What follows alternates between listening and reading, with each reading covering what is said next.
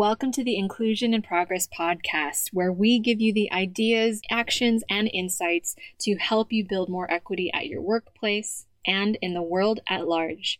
I'm your host, Kay Fabella, international expert on diversity, equity, and inclusion, a Filipino American living in Spain, and your guide in navigating this DEI journey.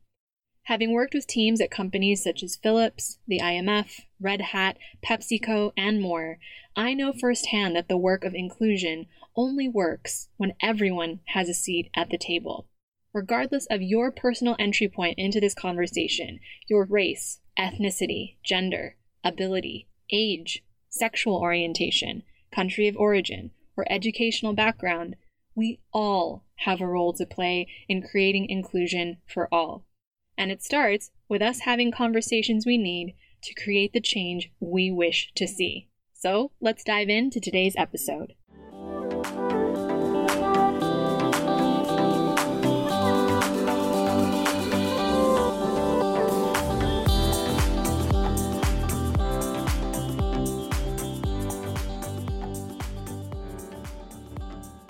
Hey, guys, welcome back to the show. It is officially International Women's Day, March 8th, is just around the corner.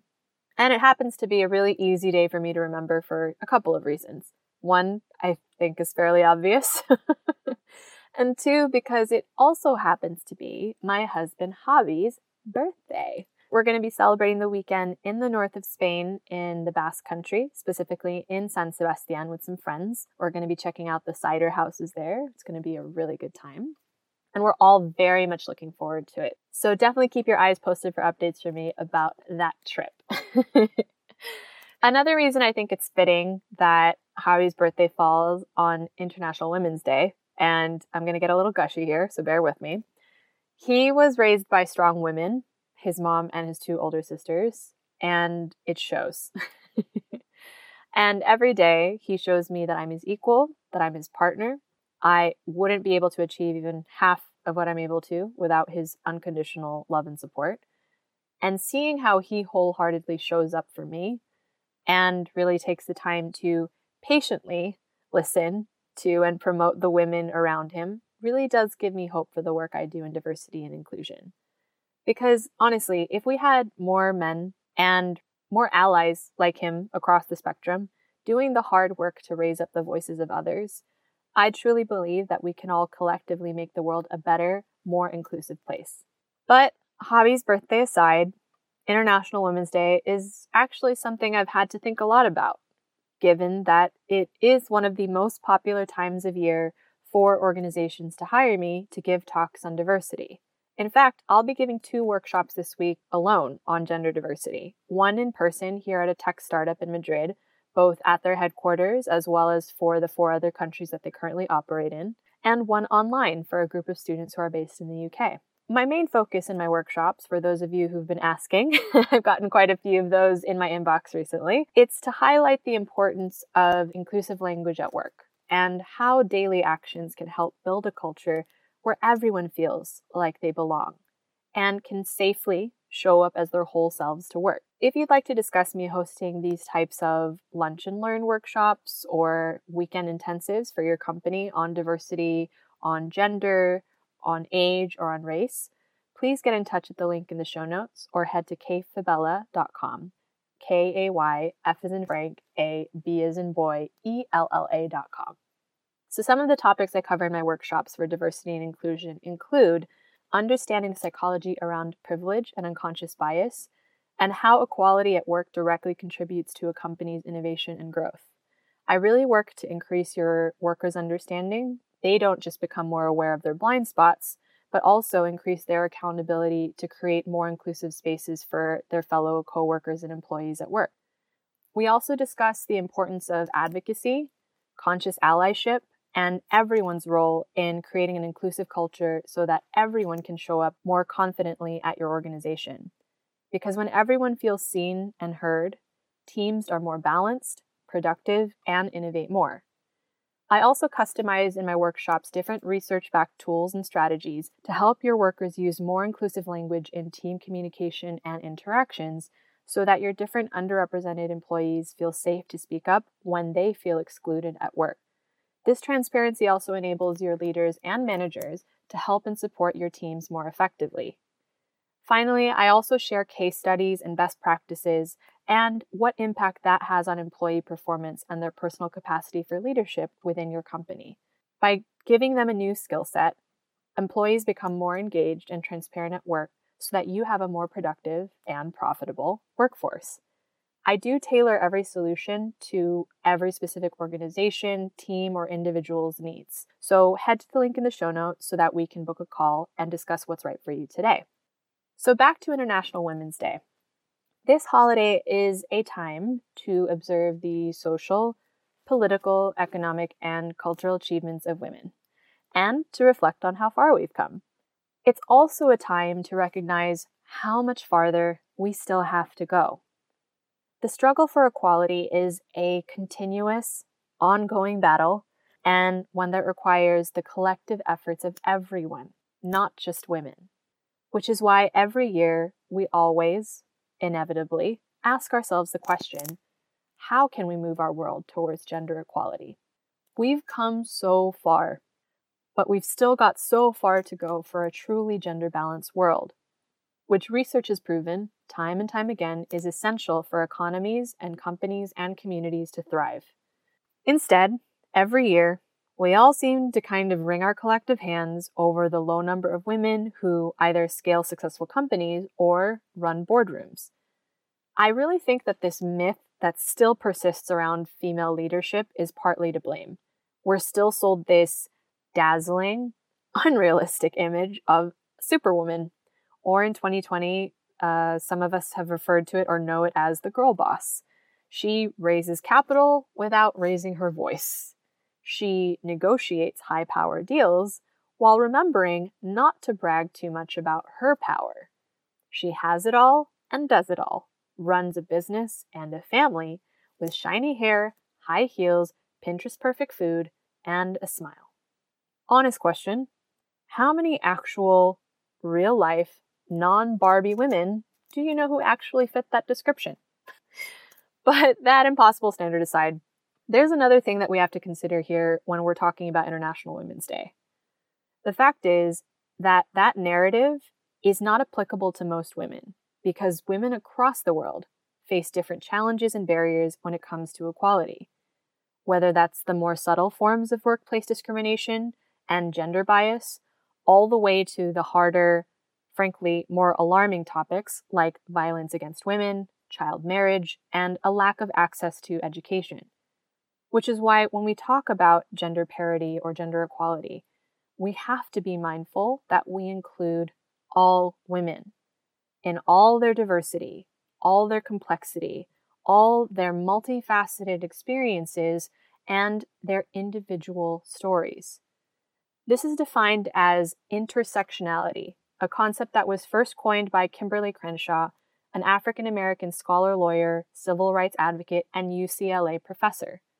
Her teachings challenge us to examine the various ways that different identities interact with each other to create these unique barriers in our journey toward true gender equality. For instance, how being a woman and Muslim in Southeast Asia shapes your access to education, or how being a transgender Latinx second generation American determines how much you earn and whether or not you have access to healthcare. The experiences, barriers, outcomes, and of course, consequences of intersectionality have to be understood in their entirety, or at least the attempt has to be made to understand them in their entirety. Because the subtleties and nuances of each of these individual experiences, I think, tend to get flattened in this feel good narrative of pink or purple branded Women's Day initiatives. And therein lies my biggest contention with International Women's Day. Organizations almost never address gender equality from this intersectional perspective. As more women, people of color, and other marginalized groups continue to step into positions of leadership in our countries, in our companies, and in the world, we're still trapped by this need to always be on, women are still expected to project an image of flawlessness, knowing that we won't be allowed to fail as hard or as often in the ways that our white male cisgender counterparts consistently do. But if we can normalize a more honest kind of leadership, one that doesn't pretend to have all the answers or project some superwoman image of perfection, then we might actually give ourselves the space that we need to create these inclusive workplaces where women of all shapes, sizes, religions, colors, and countries of origin can actually show up as their full selves and thrive. So, for today's episode, I'm going to walk through three ways that organizations can help build a gender balanced world on March 8th, on International Women's Day, and beyond. The first is supporting women when they return to work. Not too long ago, I recently attended an event here in Madrid to celebrate a new company becoming certified as a B Corp. For anyone who wants to know what a B Corp is, I'll be sure to include a link in the comments. But let's just leave it at this. It's a lengthy process to get certified that does require a very in depth look at a company's sustainability, environmental impact, equality, and of course, purpose driven profitability. The newest member to the B Corp family here in Spain was sharing that as a relatively young startup with younger workers and employees, they had never really considered the importance of having things like a maternity leave policy for employees until they went through this B Corp certification process. They realized the importance of having such a policy in place for their female employees to be able to return after having children and therefore continue to thrive in their company after giving birth. While providing generous maternity leave is a good start, this alone isn't enough to make women feel supported at work. It's equally important to set women up for success when they return to their jobs after they've taken time off. There are many ways to create a more supportive culture.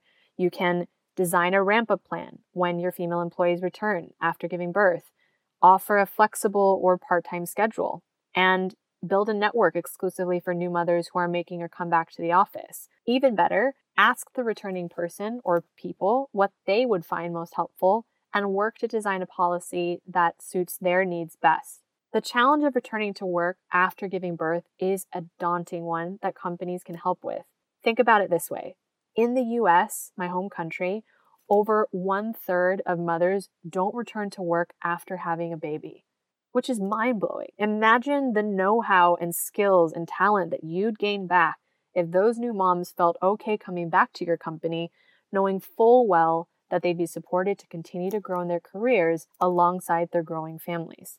The second thing that organizations can do to commit to gender equality is commit to salary equality. The gender wage gap is a high priority issue that's received significant attention in the past few years in the US and most recently in the UK, and with good reason. In the US, white women, on average, earn only 80 cents for every dollar men earn. Okay, while women across all races and ethnicities face a gender wage gap compared to white men, women of color face even greater challenges. Black women in the US make 63 cents on the dollar compared to white men, and Latina women make only 54 cents on the dollar compared to white men. Moreover, 80% of black mothers and half of Latina mothers are the primary breadwinners in their households, which means that their families rely heavily on their wages to make ends meet and get ahead. You can make a difference at your own company by enforcing best practices around compensation such as conducting an intersectional pay gap analysis or finding ways to equalize performance reviews. Sit down with your leadership from your different ERGs to gain a greater insight into how different female employees from different groups are affected. Your women's ERG, on the one hand, may have a certain perspective, but maybe your black ERG may have another one altogether. Another tactic to consider is introducing salary transparency. While this is a tricky initiative to navigate, admittedly, and isn't necessarily the be all end all answer, it can be a big step forward in terms of advocating for equality. Regardless of what you choose, the first step forward is opening up this conversation about gender parity. And of course, if you need help navigating these types of conversations around gender equality at work in a way that helps your female employees from different groups feel more included, head to the link in the show notes. We can design a tailored solution for you whether through a workshop series or individual coaching that best serves your company's needs. The third thing to consider is encouraging equal leadership and board representation. It's a pretty natural human tendency to be drawn to people who are similar to ourselves. That's why, without an intentional, change driven inclusion strategy, it's easy for senior leadership at the C suite level and boards to continue being filled with white cisgender men. Work to create sponsorship or mentorship programs that connect your female employees with managers or leaders who don't necessarily look like them. The opportunity to bridge this knowledge gap between your more experienced workers with newer talent, regardless of gender, can foster positive relationships, spread skill sets, and ultimately groom the workers at your company for future positions of leadership. Understand that female employees aren't a monolith. Although our experiences and our desire for gender inclusion is mostly universal, bias, discrimination, and systemic challenges really do vary widely from group to group. An immigrant woman's experience differs from an LGBTQ cisgender woman's experience, which also differs from a multiracial single mother's experience. You don't have to sign up for a master's program in gender studies, but you do have to consider that the individual challenges that each group faces contribute to the overall lack of representation of women in your leadership. If you really do want to lift women up at work, fight the subconscious bias to stick with what's familiar and create goals around having more equally represented leadership boards. For instance, in Germany, it's required that 30% of company board members must be female. In early 2020, Goldman Sachs announced that it wouldn't take a company public unless said company has at least one diverse board member. These aren't just numbers that should be meant to look good on paper. There are actual proven benefits to having a wider range of representation, such as diversity in thought, increased innovation, and improved decision making for teams. Not to mention, it's also just good for business, as I shared in episode 5 right here on the podcast. And so you should check that out if you haven't already. Plus, if you want to solidify your reputation for future employees as an inclusive workspace for all genders, you have to start fostering your existing female professionals today. And it starts by creating a culture where they feel like they can belong, that they can meaningfully contribute, and that it's safe to come to work as their whole selves. So, there you have it three things that organizations can do to increase gender equality at work on International Women's Day and beyond. As we mark this historic day once again, let's take time to celebrate the amazing, incredible women in our lives. Let's honor the women who've come before us, who've fought for the rights we now have. And let's also reflect on ways that we, as individuals and as companies, can take the initiative in our day to day actions to further that cause. No matter where you are on your journey, or what you choose to do to build a more inclusive world, I promise you, it will make a difference. Inclusion ultimately comes down to each person's individual actions and choices, and how we show up for those, like women across the spectrum, who often go unseen and unheard every day.